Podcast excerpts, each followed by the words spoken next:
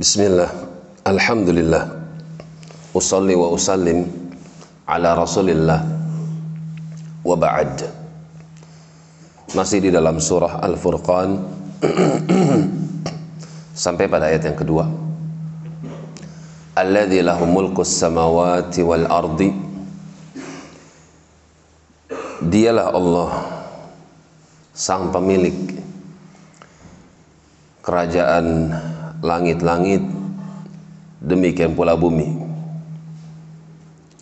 Tidaklah seluruh makhluk yang ada di langit dan di bumi kecuali mereka adalah hamba dari hamba Allah. Yang maha sempurna walam yattakhid waladan. Sehingga dia nggak butuh yang namanya anak. Manusia butuh kepada anak karena manusia itu tidak sempurna, dia memiliki kekurangan. Akan menjadi bahagia kalau dia punya anak. Beda dengan Allah. Dia tidak butuh anak karena dia sempurna.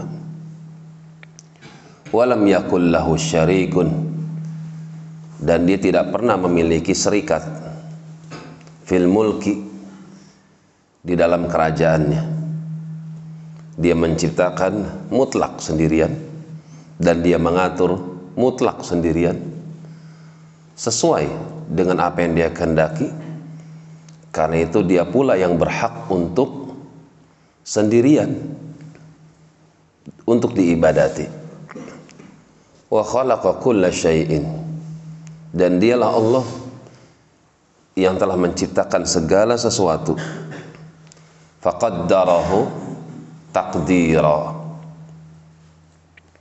Dan dia telah menentukan segala sesuatu sesuai dengan takarannya.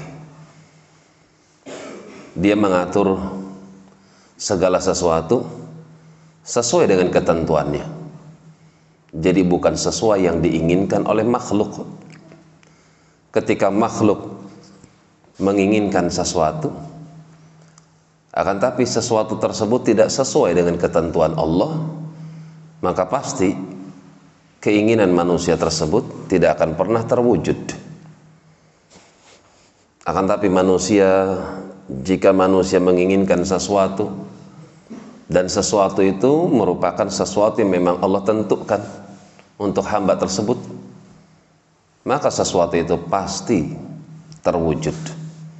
Tidak ada satupun yang sanggup menghalanginya. Karena dia maha pencipta, dia maha pengatur alam semesta dan dialah yang menentukan segala sesuatu. Demikian wallahu a'lam bissawab.